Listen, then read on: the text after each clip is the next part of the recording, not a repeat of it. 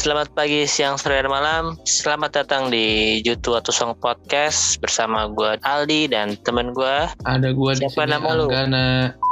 Nah cuma nih para pendengar yang menariknya itu justru gua sama Aldi itu kalau Aldi kerjanya itu dari awal dia keterima kerja sampai sekarang kita tag podcast aja dia masih tetap kerja di perusahaan itu belum pindah-pindah. Nah gua sampai detik nih gua tag podcast gua udah ngalamin pindah kerjaan ke satu AIA, dua Tobeto, tiga tanam duit, empat bahkan gue pernah di asetku cuma tiga hari kemarin nih sebelum gue akhirnya keterima di agensi lagi di Densu berarti gue total udah lima perusahaan di sama yang sekarang nih gue lima gue kerja di Kira dalam jangka waktu tiga tahun ya kurang lebih. iya bener dalam kurun waktu tiga tahun Iya iya iya. Iya sih itu mungkin bedanya kita ya. Kalau gua sih mungkin dapat kerja juga cukup eh, lama juga sih. Hampir setahun juga kayak lu lah. Lulus kuliah 2017 Agustus baru dapat magang dulu gua. Gua magang itu eh, lu sempet magang Iya, gue masuknya magang dulu di bulan Juni. Ya hampir Oh, iya, setahun. ikut program internship ya Mm-mm, betul. Jadi gua masuk ke situ bulan Juni, magang tiga bulan dan diperpanjang juga deh kayaknya karena eh, posisi magangnya itu eh, kan emang ada ininya ada batch-batch ya kan. Nah Hmm. batch yang baru, ya batch yang barunya waktu itu mungkin nggak dapat untuk posisi yang gua tempatin waktu itu jadi gue nerusin tuh karena kondisinya gue juga udah lulus kuliah sebenarnya tuh yang magang-magang di situ tuh yang masih kuliah biasanya tapi lu statusnya udah udah udah fresh graduate sebenarnya Iya udah fresh graduate sebenarnya. Itu pun sebenarnya gue ngegantiin orang yang gak jadi magang di situ sebenarnya. Ah, Setelah gue nanya-nanya ke HRD-nya tuh kayak gitu ceritanya. Nah jadi ya eh, udah takdirnya mungkin ya kayak gitu. Gue magang Juni sampai Oktober seingat gue. Berarti tuh lima bulan ya, empat bulan deh, hampir empat bulan lah pokoknya. Nah ini juga beruntung sih menurut gue karena biasanya yang, yang magang ya udah magang aja nggak nggak ada lanjutan apa-apa. Cuman karena gue udah fresh graduate, maksudnya udah lulus, gue ditawarin lah sama eh, tadifnya saat itu. Buat jadi Eh, karyawan full time eh, menjadi karir full time. Nah, gue itu magangnya job desk gue magang itu megang akun YouTube-nya TV ini. Jadi gue yang eh, ngupload video, ngasih judul, eh, iniin apa iklan-iklan Tuh komen enggak lah itu nanti mungkin PR. Terus ya udah pokoknya sebatas yang berhubungan ada hubungannya dengan marketing, ada hubungannya sama brand-brand gitu. Biasanya kan ada PT atau built-in built-in brand kan Oke. dinaikin ke YouTube kan. Nah itu gue juga ya nguploadnya, maksudnya bagian nguploadnya. Terus eh, beruntungnya gue saat gue udah mau selesai masa magangnya itu ada satu posisi yang orangnya itu udah one more notice, udah mau cabut. Jadi gue ditawarin sama kadifnya, "Eh, di mau nggak tuh di posisi itu kerjaannya begini begini begini. Nanti kalau mau ya coba aja nanti sebelum dia keluar coba belajar sama dia gitu. Jadi diarahin kan. Hmm. Ya udah namanya gue nyari kerja juga. Ya udah oke lah gue okein. Jadi gue belajar itu mungkin dua minggu. Eh, mungkin gue merasa ah gue bisa nih dan eh, kadifnya juga merasa oh anak ini juga eh, cocok lah karena ya maksudnya ada ada potensi mungkin ya kalau menurut dia. Eh, karena kan basicnya itu sebenarnya eh, hitung-hitungan. Nah gue selama kuliah kan ya nggak jauh-jauh banget tuh dari hitung-hitungan pasti. hitungan nah, itu yang gue gue balkan Iya kalau gue dulu ngitung-ngitung angka-angka yang sebenarnya gue nggak tahu itu tujuannya buat apa. Nah sekarang bedanya di posisi gue saat ini gue ngitung angka-angka yang beru- berupa uang. Uangnya juga gue sudah nggak tahu wujudnya kayak sebanyak apa tuh ratusan sampai mm-an. Nah. Nah, budget-budget iklan kan di TV. Kalau brand-brand yang mau iklan, Iya, gue bikin proposal untuk ngajuin ke brand-brand lah mungkin simpelnya. Terus ya udah eh, Sampai begitu gue selesai, selesai magang, gue sebenarnya udah lagi ada itu juga tuh, ada interview di Apa? perusahaan lain, perusahaan Jembu Cable kalau nggak salah itu di bidang ya kabel, kabel. produksi kabel gitu lah pokoknya. Itu kantornya di Glodok, eh Glodok lagi apa sih? Mega Kemayoran tuh namanya, MGK lah pokoknya Mega Kemayoran gitu lah Hmm. di, di Jakarta Utara. Nah itu eh, ini nih 50-50 tuh gue karena di situ gue udah oke, udah offering segala macem. Cuman eh, sebenarnya gue juga cocok nih kerja di tempat gue sekarang. Posisinya, kabel-kabelan itu. aduh gue gak nyampe ini. Pokoknya saya kayak sales admin mungkin ya. Ah, Ngurusin penjualan juga, ngurusin penjualan juga. Cuman gue nggak sampai eh, nanya sedetail itu job desk-nya. Hmm. Nah, karena gue udah, gue tuh orangnya yang udah ya udahlah males eh, kalau udah misalnya di situ ya udah situ-situ aja Eh, nggak mau mencoba hal-hal baru. Nah makanya sampai sekarang ini gue masih tetap kerja hampir tiga tahun. Kalau dihitung sama magang sih gue udah lebih dari tiga tahun ini, tiga tahun tiga bulan. Iya.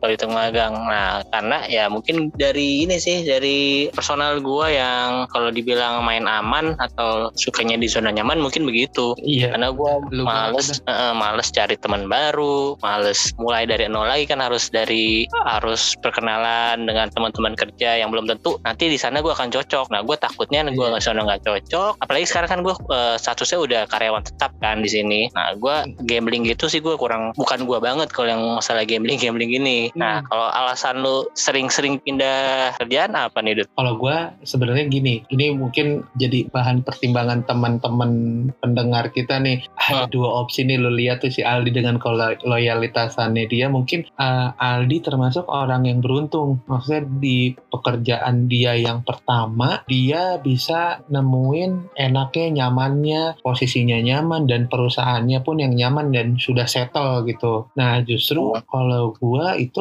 ya awalnya waktu itu gue yang penting kerja deh. Udah amat gue daripada gue apa, tidur doang di rumah gitu. Begadang, main mulu. Nah waktu itu gue mikirnya yang penting gue kerja. Nah ya singkat ceritanya gue dapat pekerjaan sebagai sales asuransi. Cuma sales asuransi itu lumayan perih sih cuy. Apa ya penghasilannya itu nggak tetap sistemnya leveling. Terus ada satu momen gue gue nggak dapet gaji sama sekali karena gue nggak jualan gitu. Gue nggak achieve penjualan gue karena gue lumayan apa ya lumayan susah buat penyesuaian di masa-masa awal-awal gue. Tapi singkat ceritanya gue berhasil waktu itu gue ditempatin di, di cabang di di Kelapa Gading. Nah gue berhasil di situ. Gue dipromosin pindah ke Jogja. Bahkan gue sampai sempat di Jogja dulu di uh, dari di AIA tuh kurang lebih kayak di Jogja tuh kayak enam bulanan gitu dah enam bulanan lebih. Nah cuma ada satu momen gue mikir uh, gue cukup rebel di sama kantor tuh. Gue selalu punya ya itu mungkin plus minusnya gue lah. Karena uh, jualan asuransi kan ada kompetitor ya. Nah ah. sedangkan uh, waktu itu kondisinya produk yang gue jual itu produknya ya to be honest jelek gitu. Dibandingkan kompetitor kita yang lainnya gitu. Dan gue karena gue waktu itu sebagai bank insurance consultant. Jadi bank S itu adalah satu sistem di mana perbankan dan perusahaan asuransi itu bekerja sama. Nah waktu itu gue ditempatin di Bank Bukopin, tapi tetap jobdesk gue jualan asuransi AIA. Jadi gue jalan sama marketing-marketing bank Bank Bukopin untuk uh, untuk jualan asuransi AIA. Nah, cuma problemnya di Bank Bukopin itu nggak cuma AIA doang orang asuransinya. Ada lagi asuransi kompetitor lain kayak uh, itu ada Sinarmas gitu. Gue tuh ngerasa Sinarmas ini produknya bagus. Terus gue sebagai orang yang di lapangan, gue speak up ke atasan gue bahkan sampai ke NBM gue National Branch Manager waktu itu yang megang se-Indonesia khusus untuk AIA Bukopin waktu itu. Gue bilang, bos ini produk kita jelek, kapan kita launching-launching produk gitu. Karena ya gue susah di di jujur gue jualannya susah. Waktu itu mungkin kalau teman-teman pendengar tahu ada istilah unit link asuransi di mana lu ngeluarin spending uh, money lu tapi duit itu akan dialokasikan ke reksadana gitu. Jadi ada investasinya gitulah nah cuma waktu itu produknya benefit-benefitnya itu lebih bagus kompetitor. Nah gue ngerasa aduh gue nggak bisa nih kalau kayak gini terus. Kalau memang dari kantor guanya sendiri nggak ngejual apa nggak ngeluarin produk yang baru gue pasti bakalan keteteran nih. Karena satu itu tadi gue gaji gue based on penjualan gue kalau penjualan gue lagi kenceng ya gue dapat gaji gede. Bahkan unlimited sebenarnya di. Nggak ada batasan hmm. atasnya gitu. Yeah. gak ada bottom topnya. Itu gue sebenarnya uh, waktu itu tertariknya bekerja di bidang sales asuransi itu ya itu gitu. Dan mungkin teman-teman pendengar tahu lah sistem pekerjaan yang kayak gini tuh kayak gimana yang benar-benar penghasilannya based on bonus gitu bukan fixed salary gitu. Fixed salary per month itu berapa gitu. Gue benar-benar gambling waktu itu. Ada satu momen gue mikirnya gue nih sebenarnya cinta sama pekerjaan sebagai sales tuh. Gue seneng. Gue ketemu orang baru tuh seneng basically di. Uh, cuma gue nggak bisa nih barang yang gue jual nih kayak lumayan agak-agak sedikit susah karena balik lagi gue harus mengedukasi dulu gitu asuransi itu seperti apa sih pentingnya seperti apa gue bahkan gue di training di nyampein kayak misalkan gini gue itu inget banget kalau e, meninggal kan ya udah gitu nggak boleh ngomongin misalkan jadi asuransi ini kalau semisal ibu meninggal ibu mati itu nggak boleh jadi bahkan gue sampai dilatih buat penyampaian bahasa untuk public speaking waktu itu ada pelatihan gue di training dulu bahkan di semisal Hmm. ibu mengalami resiko tutup usia gitu bahkan pakai diperhalus lagi ibu mengalami resiko tutup usia dan lain-lain nah itu ibu gini-gini itu gue tuh ad- ada pelatihannya dulu di waktu itu di gimana cara presentasi di depan umum nah ini buat teman-teman pendengar mungkin ada yang masih kuliah atau mungkin ya sekarang lo ada di back office gitu misalkan kerja lo di depan laptop buat lo juga gitu di nah sebenarnya Hmm. public speaking itu penting penting banget cuy karena gue ngerasa nggak usah deh lo sebagai sales lo sebagai apa lo skill public speaking itu lo bisa pakai kalau misalkan lo di tempat umum lo ketemu orang baru itu kadang kalau orang yang nggak pedean itu cenderung introvert gitu gak bakalan buka obrolan. Nah gue tuh bahkan di tempat umum aja gue bisa ngobrol sama siapa aja gitu maksudnya kayak ada orang ayo mas gini gini gue ngobrol bisa ngobrol lama gue sama orang-orang baru dikenal tuh. Itu semua ilmu yang gue dapat sebagai sales asuransi waktu itu karena gue ada di training dan gue ngerasa bahwa di zaman kuliah nih nah ini perlu yang temen-temen garis bawahi lu zaman kuliah tuh sebenarnya simple ada misalkan lu ada satu momen lu harus mempresentasikan tugas lu di depan gitu di depan kelas kayak ngejelasin ke teman-teman ke dosen gitu ini tugas dari kita gini sebenarnya gue mikirnya waktu kuliah alah aku malas banget kayak gitu Hmm, Sumpah sama. tapi soft skill kayak gitu benar-benar kepake di saat lu kerja. Lu jadi tahu misalkan menghandle keadaan di ruangan meeting tuh seperti apa. Lu mempresentkan ke bos lu tuh kayak gimana. Mempresentkan sebuah project ke temen lu apa yang lu jalankan. Tuh itu skill kayak gitu tuh menurut gua penting gitu. Jangan mikir ah skill public speaking mah harus dipunyai sama sales aja. Enggak cuy. Orang-orang back office tuh sebenarnya juga perlu gitu. Lu gimana sih uh, gestur lu ketemu sama atasan lu, gimana cara ngobrol interaksi sama mereka. Nah itu menurut gua hal yang terpenting. Ya setuju setuju. Ya emang public speaking bisa kepake di segala bidang. Mm. Nah itu itu yang jadi gue nyesel. Nah cuma emang momentumnya kenapa gue waktu itu akhirnya mikir, aduh gue sayang banget nih, tapi gue males gue gue males lagi di asuransi, tapi gue seneng nih sebagai sales. Akhirnya waktu itu gue bener-bener pengen nyari pekerjaan yang memang basicnya sales, tapi produk yang dijualkannya itu gak usah kayak yang asuransi dan lain-lain gitu. Dan satu sih di gue tuh mikirnya di asuransi, gue gue, pengennya tuh dapat perusahaan yang ngantor tuh pakai kaos, celana jeans gitu, pakai sneakers. Karena waktu itu kan di perbankan ya lu tahu sendiri pakai kemeja, pakai Hmm. celana bahan, pantopel kayak gitu. Gue tuh kayak udah mulai aduh gerah nih kerja-kerja yang kayak gini nih. Gue ngeliat orang-orang kan ada ya yang kerja-kerja yang pakai kaos, jeans dan lain-lain gitu. Gue, tuh mikir gue nyari kerjaan yang kayak gini nih harus bisa dapet gue. Nah singkat ceritanya gue keterima lah kerja di sebuah digital marketing agency. Nah di situ gue bener-bener nemuin passion gue. Baru gue nemuin passion gue ternyata passion gue itu di bidang digital marketing. Walaupun memang di awalnya startnya sebagai account eksekutif. Account eksekutif sebagai sales-sales juga gitu. Mungkin teman-teman yang lagi bingung nih account eksekutif itu apa sih? Karena gue sering banget ngelihat uh, di job portal account eksekutif gitu, account manager. Sebenarnya kalau waktu itu account eksekutif yang posisi gue di Tomato Digital itu waktu itu digital marketing agency, gue sebagai sales uh, salesnya itu gue harus menjual jasanya kantor gue sebagai digital marketing agency di mana uh, gue harus mencari potensial klien yang mau bekerja sama untuk digital marketingnya dari sisi Google Ads, misalkan YouTube Ads dan lain-lain, uh, Facebook Ads. Nah itu dihandle sama kantor gue. Nah gue harus nyari kliennya tuh. Nah itu gue ngerasa produknya gue suka, yang gue jualin dan bener-bener bidang baru. Dan gue mikir gue harus banyak belajar di bidang ini nih saat itu tuh. Nah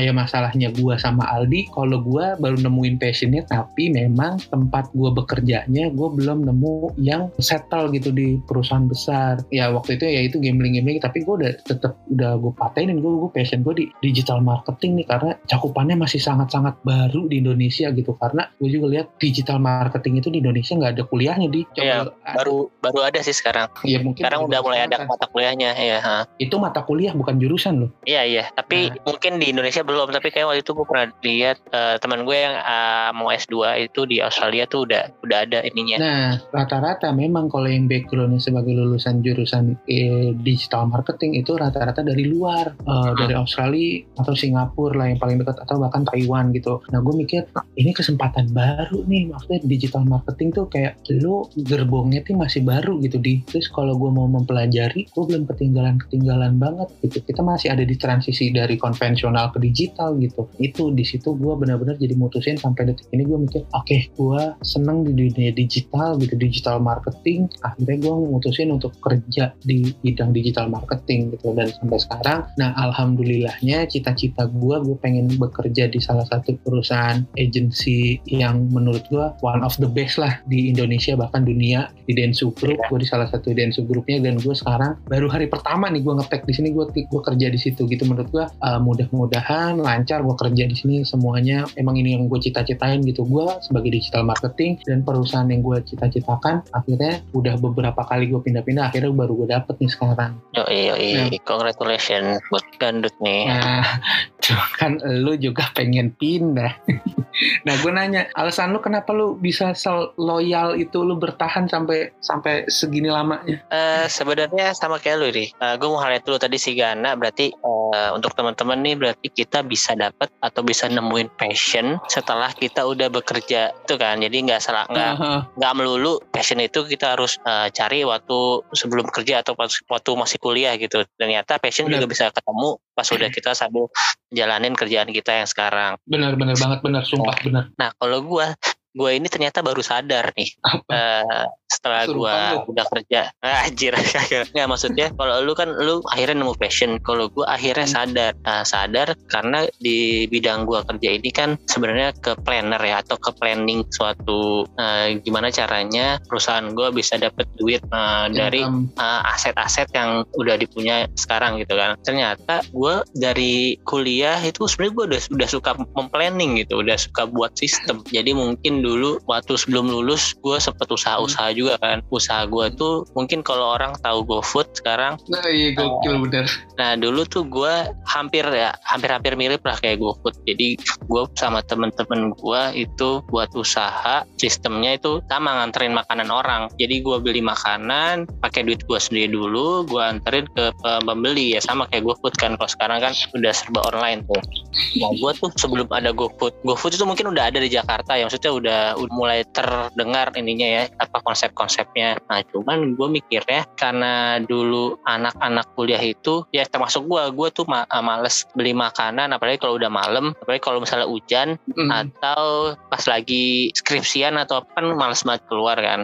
Nah gue Hmm. mikirnya eh, yang males bukan cuma gue doang nih, pasti ada orang-orang lain nih. Makanya gue bikinlah ide itu. Nah, terus gue ngajak teman-teman gue untuk kalau sekarang ibaratnya mungkin namanya driver ya, drivernya kan. Jadi driver gitu, jadi kurir lah istilahnya. Nah gue bikin sistem-sistem gini nih. Kalau misalnya eh, jarak segini, bayarnya segini. Terus eh, pembayarannya gimana nih biar lu nggak dibohongin. Misalnya lu tahu-tahu eh, udah beli tapi orangnya nggak mau bayar atau ternyata belinya eh, palsu gitu. Gue ya gue mikir dari awal konsep itu gue udah mikir. Jadi gue mikir tuh wah ternyata gue tuh dari dulu udah suka planning gitu ya, udah suka Di, ya kenapa? salahnya lu tuh salahnya lu tuh di zaman kuliah lu tuh nggak ketemu orang-orang yang sosoknya kayak eh, Mark Zuckerberg terus sama Bill. Gates coba lu kalau ketemu orang-orang kayak gitu lu lu salah satu si Bikin startup kali gue ya. Iya. startup startup aplikasi aplikasi startup yang sekarang sekarang berdiri nih lu ketemu Iya, investor lu visioner Iya, mungkin. lu visioner ya mungkin gitu nah jadi intinya gue kayak ya sekarang ternyata gue kerjanya kayak gini-gini juga ya.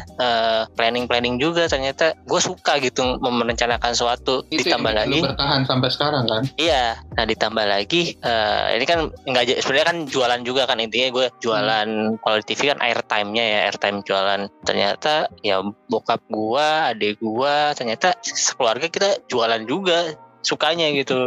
Kalau bokap gue mungkin jualannya lebih ke usaha sendiri. Nah gue bedanya jodohnya mungkin jualannya untuk perusahaan orang lain gitu. Hmm. jadi sebenarnya kalaupun nanti gue bakal pindah ya mungkin Hmm. nggak jauh-jauh dari planning atau jualan gini. Eh, iya jadi ya sama kayak lu lu udah nemu passion lu gue mungkin udah nemu tapi baru nyadar sekarang. Karena menurut gua kalau untuk menemukan passion itu kayak lu nggak nggak cuma baru sebulan dua bulan "Oh, ternyata passion gua kayak gini. Itu tuh passion itu lu harus ngerasain naik turunnya ternyata lu masih tetap oh, oke lagi posisi enaknya oh emang ini nih passion gua. Tapi lu lihat keadaannya ketika lu memang drop eh, misalkan di sebuah suatu pekerjaan let's say misalkan di bidang sales penjualan lu ngedrop banget nih misalkan. Nah, terus lu pasti ada satu titik di mana anjing kayaknya bukan ini deh passion gua. Nah kadang itu yang bikin orang kayak ngerasa buang-buang waktu. Makanya gua tuh selalu gua nggak punya passion waktu itu gua tuh selalu tapi gua ngejalanin dulu apa pekerjaan gua terus gua ngecari ilmunya gua perdalam ilmunya dan makin sini oh ternyata seperti ini ya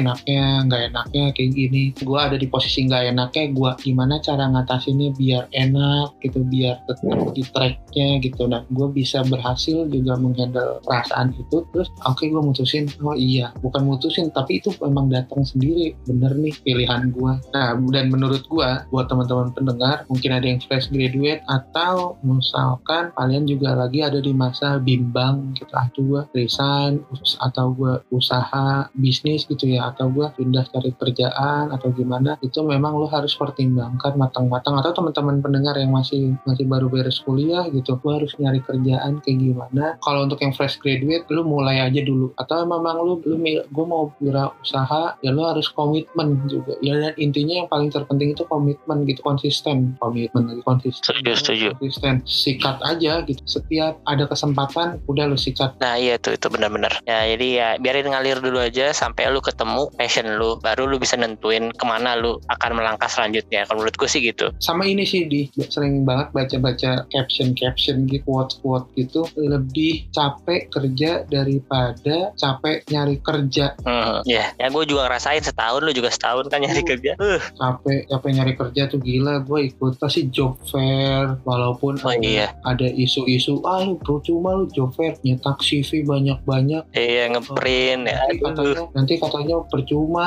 aplikasi lu nggak bakalan dibaca cuma ditutup doang gitu gitulah atau kan jadi kertas gorengan doang. Gue tuh dulu ngalamin job fair berapa kali gue datang job fair pokoknya gue ngantri nih misalkan wah ini kantor apa nih? Wah jarum nih buka ini wah udah apa uh, grupnya Unilever atau grupnya apa? Gue antri untuk ngisi datanya naruh CV-nya gue antri panas-panasan gue kalau emang yang job fair kadang di lapangan terbuka kadang ya enak kalau yang di ruangan ber AC kayak gitu. Itu gue bener-bener yang ngerasain sangat-sangat ngerasain. Jadi menurut gue ya kalau teman-teman yang udah ada kerjaan ya mau resign dengan pertimbangannya capek gue kerja gini-gini ya lo timbangkan dulu deh. Kalau memang lo udah punya next step yang udah bener-bener ya monggo gitu. Tapi ya itu yeah, tadi gue bilang mending Suju. capek kerja daripada capek nyari kerja. Iya. Nah uh, dari tadi kan kita ngomong yang cukup berat nih. Hmm. coba sekarang gue mau tanya ke lu. Lu masih inget nggak nih uh, gaji pertama lu itu lu beli buat apa? Atau pendapatan pertama lu lah bisa dari usaha atau dari gaji atau dari yang lu bilang kan tadi ya, jualan Cino atau buat IO itu lu bisa ngumpulin untuk beli apa tuh? Gini deh kita ambilnya dari gaji dari yang benar-benar uh, yang benar-benar lu ada tanda tangan kontrak dan lain-lain aja. Kayaknya gue dari AIA deh. Itu oh. gaji gue ya Allah. Kayaknya gue dapat 800 ribu apa ya sebulan ya? 800 ribu di sebulan itu gaji pokok. Waktu itu gue masih kayak associate BC gitu associate penginsuran konsultan jadi ada sistem levelingnya di. Itu gue masih kayak new newcomer gitu. Udah itu gajinya masih kecil. Itu 800 ribu. Kalau ditanya dibeli buat apa gaji lo itu gaji gue dipakai buat nutup ongkos gue pulang pergi Cikarang Jakarta buat sebulan. Udah gue nggak bisa beli apa-apa di oh, jadi lu belum ya belum bisa. Maksudnya cuman untuk biaya operasional doang ya? Makan bahkan itu transport. Itu pun kurang. Bahkan itu pun kurang. Iya sih kalau lu ngekos juga nggak cukup tuh 800 ribu ngekos Jakarta ya. Iya. makanya gue waktu itu pulang pergi naik kereta naik komuter lain Jakarta Kelapa Gading dan itu yang benar-benar menurut gue ya itu gue perih sih. Apa gue ngerasain anjir masih gedean bekal gue dulu zaman kuliah daripada gaji gue sekarang. Gitu gue tuh waktu itu. Iya iya. Gaji Berarti lu... gue dipakai buat ongkos udah. Lalu kalau lu? Ya, kalau kalau barang gitu lu mulai kapan tuh bisa untuk lu bisa ngumpulin duit sampai akhirnya lu bisa beli barang yang emang uh, lu pengen pakai gaji lu ini untuk beli barang itu? Kapan tuh? Itu zaman gue masih di masih di ayah juga itu gue beli HP hmm. iya benar gue beli di bulan HP berapa Samsung, tuh kira-kira? Samsung A8 itu di bulan kayaknya bulan ke 6 apa ya pas gue mau ke Jogja itu beli HP gue bener ya di situ gue pas mau pindah ke Jogja gue ganti HP iya iya bener. Oh sama ini gue lupa sebelum gue di AIA sama di IO gue itu sempat nge Uber oh iya sama gue juga itu sempet iya, dulu di. Iya gue pakai akun lu lagi. Iya lu pakai akun gue kan lu minjem akun gue kepet. Iya iya iya. Iya iya bener-bener. Iya gue bener-bener nge-uber dulu gue ada gue karena mobilnya mobil bokap gue nungguin bokap gue balik kerja dulu sore baru gue pinjam mobilnya. Gue nggak berani bilang ke bokap gue gue nggak uber karena gue kan pengen punya dapet duit juga ya gue nggak enak kan minta duit ke bokap gue yang jelas uh, eh, gue punya punya uang saku nih modal gue buat beli bensin gue daftarin plat nomor nomor bokap gue diem-diem gue fotoin apa-apa-apa akhirnya gue punya akun Uber eh itu kalau bokap gue pulang pak minjem mobil mau ke mana? Eh, mau muter-muter aja mau main. Ketemu temen ya nanya-nanyain kerjaan. Itu gue dari bokap gue sore sampai malam gue jam 12 baru pulang ke rumah. Gue narik Uber. Iya di. Sumpah di. Ih, gue Uber dulu dulu. Lu tapi motor nggak nggak sempet ya lu motor ya? Motor nggak pernah lu ya? zaman kuliah kuliah pernah gue kuliah. Kalau motor gue juga pernah sekali gue kuliah. Itu baru Hmm. gojek awal-awal baru buka di Bandung. Waktu zaman zaman ngegojek tapi masih belum pada berani pakai jaket gitu Iya, iya, iya, Dipukulin sama opang ojek pangkalan.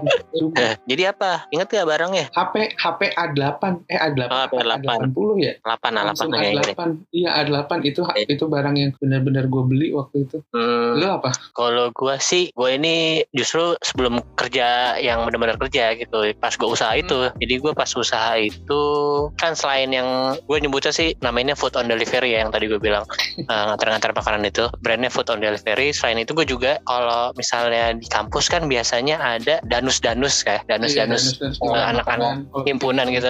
Nah, nah itu gue juga nyuplai piscok, gue bikin piscok sendiri tuh. Sumpah itu gue goreng sendiri, nyari bahannya sendiri, dan itu ya lumayan juga dari situ. Nah akhirnya gue kumpulin kumpulin kumpulin duit dari dua usaha itu, gue kebelilah eh, suatu barang yang emang berhubungan dengan hobi gue. Hobi gue kan emang main- main basket ya, jadi gue mau menggunakan penghasilan pertama gue itu untuk beli sepatu basket. Nah gue inget banget tuh. ini sepatu basketnya bukan dari hasil uang jajan ini ya uang jajan dari orang tua gitu ya. Kalau itu juga udah pernah sebelum sebelum dari gue beli barang ini. Itu pun eh, maksudnya gue menyisihkan uang jajan gue untuk beli sepatu basket. Tapi ini bedanya gue dari bener-bener nabung dari penghasilan gue perharinya gue taruh tabungan sampai akhirnya kebeli nih sepatu. Nah sepatunya itu Kobe 11 Elite. Gue inget tuh belinya di Surabaya. sampai sekarang masih ada. Ya mungkin udah kondisinya udah udah agak-agak rusak cuman masih gue sayang-sayang banget nih makanya. Gue inget banget gue belinya ke Surabaya naik kereta tuh dari Malang ke Surabaya. Kereta ekonomi lah kalau nggak salah. Bayarnya cuma 8 ribu atau 12 ribu. Eh, ada namanya eh, Nike Factory Outlet di sana. Itu harga aslinya 2,9 diskon gue beli? beli 2 jutaan. Kayak 2 juta nggak nyampe 2 juta 100 nah itu bener-bener ini sih gue bakal inget terus nih barang ini. Kalau bisa nanti gue udah punya sepatu-sepatu lain tetap gue simpen nih sepatu Nah, itu kan kalau lu. Nah, kalau lu ngomong kayak misalkan di luar dari pekerjaan gue secara as a profesional sebagai pekerja gitu. Kalau ditarik lagi di zaman kuliah, gue sebenarnya juga ya untuk penghasilan gue bahkan sempat punya kedai. Oh iya, kedai Kadiu ya. namanya. Gue Uh-huh. bikin usaha ngerintis usaha kedai bukan coffee shop kayak kayak warkop gitulah buat Iya, teman-teman nongkrong dan lain-lain di situ gue banyak belajar kayak oh ternyata untuk menjadi entrepreneur itu seperti ini gitu karena waktu ada tiga kepala kita harus nyatuin visi kita masing-masing dan oh itu problemnya waktu itu. Nah sebenarnya gue kayak kayak sampingan-sampingan zaman kuliah tuh kayak jual beli mobil nyalo nyaloin velg mobil atau apa part-part dari mobil gitu. Karena teman-teman kontrakan gue tuh kayak suka dunia otomotif gitu. Nah gue tuh selalu kayak Hmm. ikut nyari cuannya. Nah itu tuh yang gue baru sadari di ya Allah gue nyesel sih kalau tadi lu beli sepatu dan lain-lain. Kalau gue kan nabung ya kalau lu mabuk ya. Iya gue foya-foya mabuk tiap Iya, malam iya, iya. tiap malam dapat cuan apa eh dapat cuan beli ini. Malamnya punya duit kita mabuk kita mabuk kita mabuk. Itu tuh gue waktu itu emang ya gitu pergaulan gue kebawa ke yang dalam-dalam banget kelam-kelam banget. Cuma ya masih di batas normal batas wajar sih. Ya tergantung sih batas wajar ya. setiap orang kan beda-beda. Hmm. ya cuma ya itu gue sampai ya cuma alkohol doang lah. Alhamdulillah sampai detik ini kalau untuk drugs gue belum pernah nyentuh sih. Yakin? Yakin gak Ntar dulu gue mikir. Halo BNN jangan dong aja kimia-kimia enggak dulu. Kimia-kimia enggak. Kalau Oke. alami-alami dulu sempet masa-masa kelam iya nyobain. Eh, cuman gue alhamdulillahnya tidak menemukan enaknya gitu. Ya ya jangan sampai lah iya sih gue itu doang sih udah. Gue punya batas untuk kalau badar tuh kalau badar udah badarnya kriminal itu gue kayak mikir dua kali kayaknya nggak akan deh gue kalau badar-badar kayak yang main perempuan Hmm. mabuk-mabukan itu masih waktu itu saya tercebur gitu di dalamnya Nah. Bandung cuy Bandung iya sih lu di Bandung ya pergaulannya kalau gue sih untungnya karena jauh dari orang tua ya gue ini juga lebih mikir lu kayak jauh dari orang tua sama pacar lu itu ngikutin lu kuliah di Malang. Jadi Anda gerak geriknya terbatasi.